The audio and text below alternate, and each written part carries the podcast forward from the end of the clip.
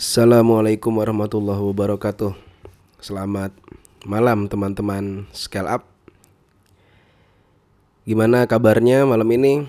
Sudah beberapa episode yang berlalu di podcast saya yang mudah-mudahan bisa Anda dengarkan dan Anda simak walaupun saya sedang latihan ya. Jadi ngomongnya mungkin masih acak-acakan, masih masih boring ya berproses. Malam ini saya akan cerita sebuah kisah. Uh, judulnya Trojan Horse. Mungkin di antara Anda ada yang sudah pernah menonton ya film atau membaca buku cerita uh, dongeng bisa disebut dongeng atau saya kurang paham apakah ini cerita real ataukah tidak tentang pasukan Yunani dalam menaklukkan sebuah kota yang namanya Troy. Nah, dikisahkan uh, pasukan Yunani ini sudah kurang lebih sekitar 10 tahun. 10 tahun mereka berusaha menaklukkan sebuah kota yang namanya Troy. Selama 10 tahun itu mereka mencoba segala cara, mereka berperang mati-matian sudah banyak orang, ribuan orang yang sudah um, meninggal di medan perang, mereka sudah uh, mencoba dari segi peralatan, senjata dan lain-lain. Tapi tetap saja yang namanya City of Troy ini sulit sekali ditaklukkan. Saking sulitnya itulah mereka harus spend waktu kurang lebih 10 tahun lamanya. Nah, akhirnya ada seorang seorang panglima perangnya mengusulkan sebuah strategi. Nah, musuh strategi ini berupa uh, mereka pasukan Yunani ini membuat sebuah kuda, membuat sebuah kuda yang sangat besar, kuda raksasa, dan meletakkan orang-orang uh, berada di dalam kuda tersebut. Jadi kuda ini dibuat dari kayu besar. Um, dikisahkan waktu itu kuda uh, disebutnya kuda Troya ini, Trojan horse ini, semacam kayak simbol perang. Nah, dimasukkan dimasukkanlah secara diam-diam orang di dalam kuda tersebut. Nah, pasukan-pasukan di kota Troy ini nggak tahu bahwa di dalam kuda itu ada orangnya. Cuma yang dia lihat, yang mereka lihat adalah oh ada sebuah semacam kayak apa ya monumen, monumen kuda yang besar yang dibawa oleh pasukan Yunani untuk menyemangati mereka dalam perang. Nah, dikisahkan eh, selanjutnya setelah kuda itu jadi dan sudah dipasang kuda itu diletakkan orang di dalamnya mereka semua ini berpura-pura. Jadi strateginya adalah strategi deception. E, berpura-pura meninggalkan lokasi peperangan menyerah kalah dan pulang. Nah semua pasukan itu berkemas-kemas membongkar tenda kemudian ya mereka menjauhi uh, battlefield menjauhi peperangan. Sampai kira-kira sudah habis orang di sana semua. Nah, pasukan di kota Troy ini e, mereka lihat eh itu pasukan Yunani sudah pada meninggalkan lokasi, mereka menyerah kalah. Tapi kudanya ditinggal. Mereka berpikir, ah iya mungkin aja kuda ini sulit untuk dibawa pulang. Sulit untuk dibawa ke kapal. Ini ini saya bacanya sekilas-sekilas sambil mengingat-ingat memori saya masa lalu ya. Jadi Uh, kalau ada salah, mohon dikoreksi aja.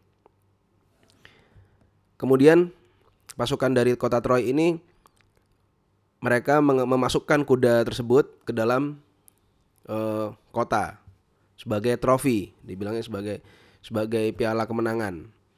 Wah ini kita kita berhasil menaklukkan Yunani. Yunani tidak berhasil apa menaklukkan kota kota Troy. Wah mereka gembira.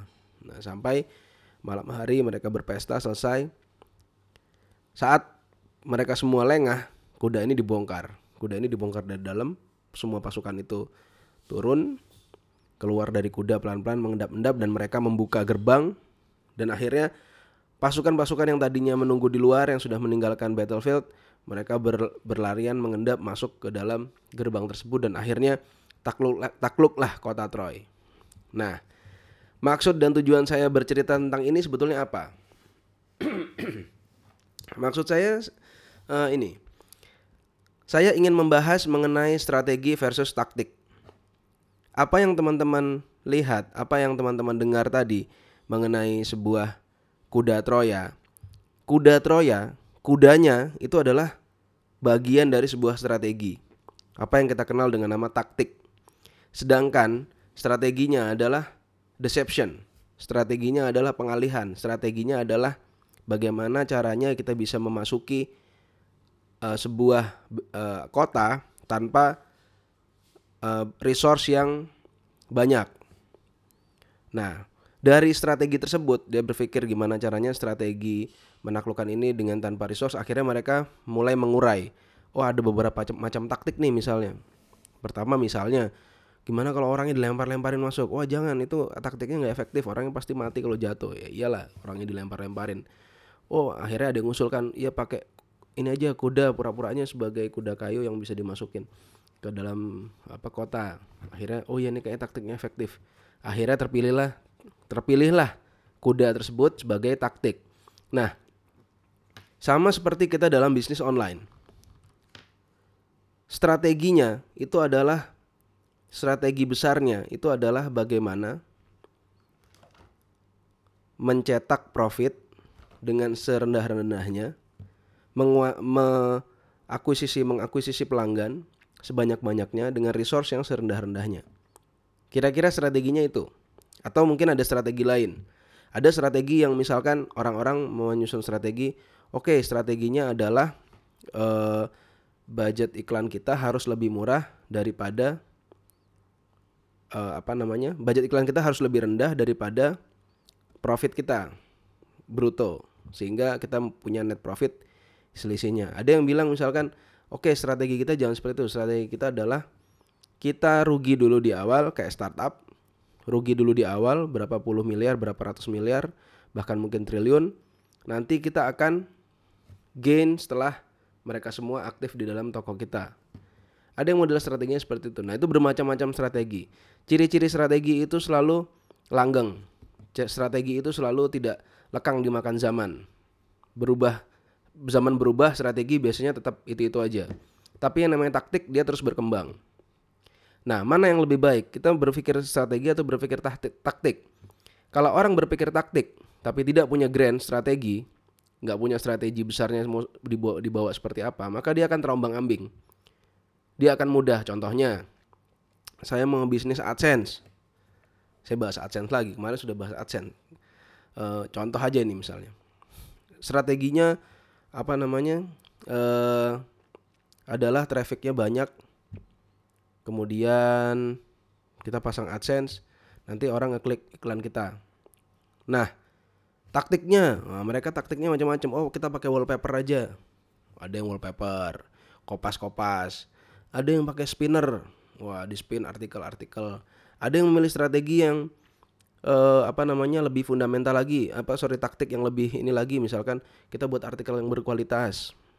Oh, ada taktik lain lagi. Misalnya oh kita copy copyin dari forum misalnya. Banyak lah taktik itu berkembang terus. Nanti oh bisa kita pasang YouTube kita pasang ini. Itu bagian dari taktik. Tapi strateginya tetap sama. Strateginya gimana caranya bisa mencetak profit. Kita punya blog yang pengunjungnya banyak kemudian orang berkunjung dia ngeklik iklan kita. Simpelnya sederhana seperti itu. Artinya mana yang lebih bagus antara strategi dan taktik? Semua saling melengkapi. Nah kalau orang hanya mengandalkan taktiknya saja dia bingung. Dia akan begitu satu taktik nggak work akhirnya mereka pusing. Wah ini FB lagi begini akhirnya nggak dapat nggak dapat penghasilan. Tapi kalau stick kepada taktiknya misal contohnya AdSense tadi ya. Uh, gimana caranya website punya pengunjung banyak kemudian orang ngeklik iklan kita. Akhirnya berpikir oh coba pakai ini udah nggak work pakai ini udah nggak work. Mungkin bisa pakai ini mungkin bisa pakai itu. Dioprek lagi dioprek lagi. Facebook Ads juga sama. Gimana caranya iklan kita biar tetap murah sehingga uh, trafficnya banyak kemudian konversi. Berpikir pakai ini udah mahal pakai ini udah mahal mungkin harus pakai ini. Mungkin harus pakai ini uh, apa objektifnya. Mungkin uh, conversionnya harus dibeginikan nih taktiknya. Uh, supaya terjadi konversi lebih tinggi. Nah taktik itu biasanya cepat cepat saturate. Seiring berjalannya waktu pasti yang namanya taktik kita pakai apa namanya awal-awal ya awal-awal misalnya kita punya Shopify atau kita punya toko online scarcity-nya uh, apa namanya countdown. Countdown yang tiga jam tiga jam lagi ditutup mungkin awal-awal taktik itu berhasil saya nggak ngomong apakah itu countdownnya benar atau tidak karena itu ranahnya sudah berbeda anggaplah itu benar jadi benar-benar pakai scarcity seperti itu tapi makin ke sini makin ke sini karena banyak sekali orang yang fake akhirnya para user, para customer ngelihatnya ah itu mah fake misalnya. Nah, taktiknya harus berubah. Tapi tetap strateginya kita harus membuat sebuah scarcity karena scarcity itu uh, apa namanya adalah strategi yang abadi. Orang itu pada dasarnya takut kehilangan sesuatu. Mereka takut kehilangan kesempatan. Itu strategi. Taktiknya mungkin bukan lagi pakai scarcity countdown, mungkin pakai yang lain. Facebook Ads mungkin strateginya e, masih sama. Gimana caranya kita iklan tapi tetap murah dan tetap profit. Atau mungkin strateginya udah diubah sama sekali. Tadi pakai strategi startup going negatif. Jadi negatif dulu, kemudian diakuisisi. Mungkin mungkin kalau budgetnya gede dan bisa ya bisa. Atau mungkin harus muter dulu ke mana itu strategi. Nah akuisisinya e, apa taktiknya bisa explore. Nah itulah bedanya antara strategi dan taktik. Jadi kalau anda berpikir hanya taktiknya saja, biasanya bingung. Tapi kalau berpikir hanya strateginya saja, biasanya nggak jalan karena nggak nggak ngerti taktiknya. Semua orang bisa ngomong misalnya strategi-strategi. Makanya itu paling enak berbisnis itu bisa ada tim yang berpikir strategi dan bisa ada yang berpikir taktik. Karena kalau strategi dan taktik berjalan bersama-sama, explore dalam tim kolaborasi, maka bisa akan menghasilkan sesuatu yang besar. Bisa ide itu akan mudah terrealisasi dengan cepat. Tapi kalau kita hanya berpikir strategi, strategi, strategi, lama-lama jadi wacana-wacana. Kalau hanya taktik, taktik, taktik, taktik, lama-lama jadi terlalu teknis, akhirnya sulit untuk berkembang gitu. Nah inilah yang ingin saya uh, bagikan di podcast saya malam hari ini. Mudah-mudahan ada insight buat teman-teman bisa membedakan mana strategi dan mana taktik. Taktik yang bisa dipakai mungkin kita bisa berubah-berubah terus jadi kalau ada orang yang ngajar kok ini nggak konsisten, kemarin ngajar ini, kemarin besoknya ngajar ini, besoknya berubah lagi. Nah itu mungkin taktik yang diajarkan. Kan taktik berubah-berubah terus, bisa berubah. Mengikuti zaman, mengikuti waktu, mengikuti tempat, mengikuti audience, mengikuti lendernya di mana. Tapi kalau strategi mungkin akan lebih abadi. Ya, itu aja. Terima kasih sudah menyimak podcast saya. Nantikan episode selanjutnya. Assalamualaikum warahmatullahi wabarakatuh.